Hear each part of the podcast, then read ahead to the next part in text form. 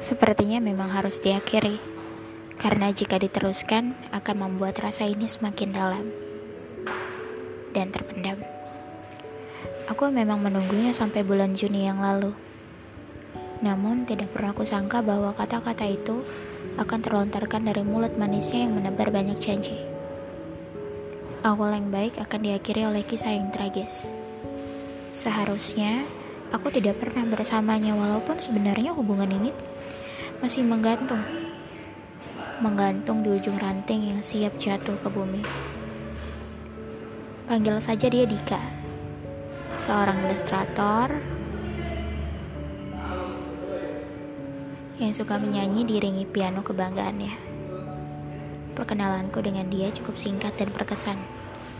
Hingga pada suatu saat, aku mengirimnya sebuah kue coklat yang menjadi awal rasa itu mulai tumbuh. Rasa bahagia sekaligus nyaman dalam satu waktu.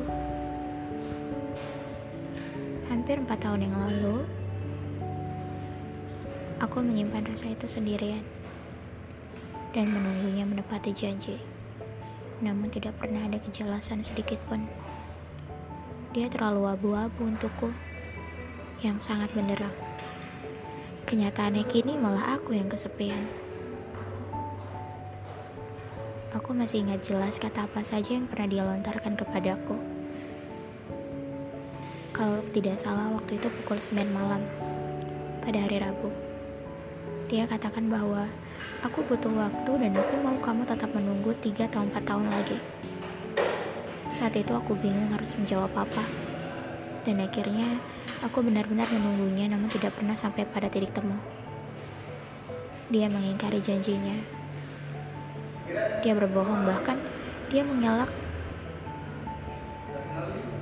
Dia adalah salah satu luka yang pernah ingin kubahagiakan. Saat itu perasaanku kalut. Hatiku hancur berantakan.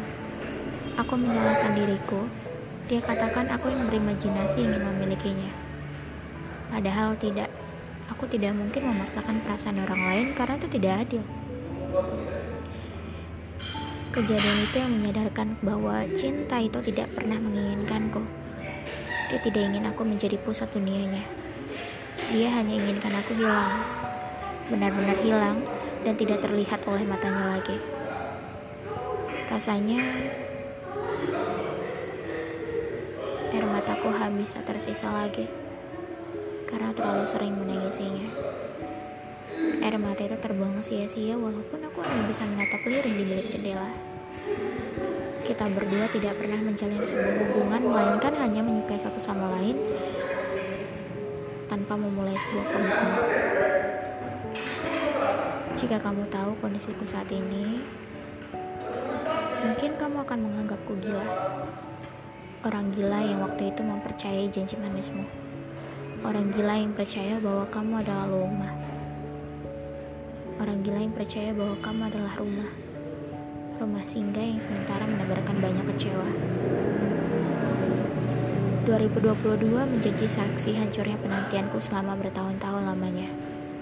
Seperti abu yang terhempas oleh angin badai, tidak terlihat namun sangat menyesakan. Kini aku hanya mampu mengenang kisah pelik itu. Aku hanyalah manusia yang pernah berharap untuk bahagia namun dihempas oleh badai kecewa. Tidak apa-apa. Dika hanyalah manusia yang tidak jelas, tidak lepas dari kesalahan. Dia bisa lupa dan dia bisa mengkhianati. 2022 hampir selesai dan kisah percintaanku pula harus disudahi. Namun aku yakin ada hikmah di balik itu semua. Tuhan hanya ingin aku bersama seseorang yang juga mengharapkanku. Cinta itu seharusnya tentang bahagia bukan hanya menebar luka dan air mata. Akhirnya aku tetap sendirian nantinya. Akhirnya aku akan tetap ditinggalkan nantinya. Menunggu itu tidak apa-apa, namun jika yang kamu tunggu juga mengharapkanmu.